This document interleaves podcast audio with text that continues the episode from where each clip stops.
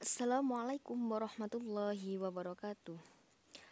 Halo teman-teman yang berbahagia Kapan pun dan di mana pun kamu berada Seringkali kita dapati diri kita kudah gulana, galau, tidak tenang, dan seterusnya.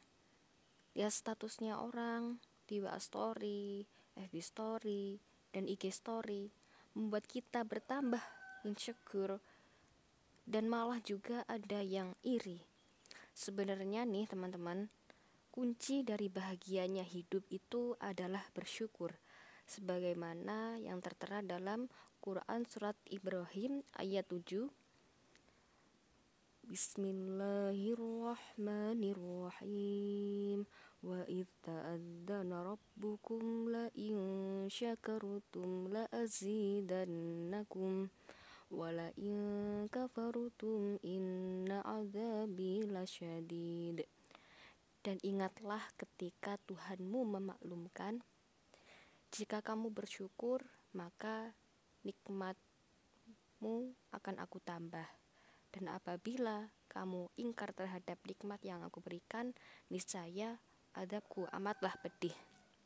Nah pada ayat tersebut mengisyaratkan kita untuk bersyukur Sebab meskipun rasa nikmat yang Allah berikan pada kita berbeda jauh dengan orang lain, kita tidak bisa mendapat nikmat yang besar jika kita tidak mampu mensyukuri nikmat yang sedikit. Teman-teman yang dirahmati Allah, kalau boleh aku jujur dan memang ini adalah suatu kebenaran bahwa Allah itu sangat sayang pada hambanya. Dia memperlakukan makhluk sama, adil, tidak membeda-bedakan yang kaya dan yang miskin, yang pintar yang dan yang bodoh. Semua yang bernyawa mendapat porsi yang sama, yakni cobaan dan ujian, baik dikala susah maupun dikala senang. Ketika susah, seorang hamba diuji kesabaran, ketabahan, dan kesetiaan imannya. Dan dikala senang, seorang hamba pun diuji akan kemauannya bersyukur. Apakah dia akan membanggakan diri sebab merasa hasil usaha kerasnya terlampaui? Apakah dia masih ingat kepada Tuhannya akan suatu keadaan yang dia berbahagia seperti itu, apakah dia akan lalai? Ingatlah teman-teman, jangan pernah bandingkan hidupmu dengan hidup orang lain. Kita punya jalan yang berbeda-beda, dan itu pun sudah dituliskan oleh Tuhanku dalam Lauhul Mahfud. Kita tidak perlu menjadi seorang yang lain untuk sukses. Raihlah kesuksesan dengan jalanmu sendiri. Kita boleh saja meneladani atau meniru orang lain, tapi cukup yang kita mampu saja.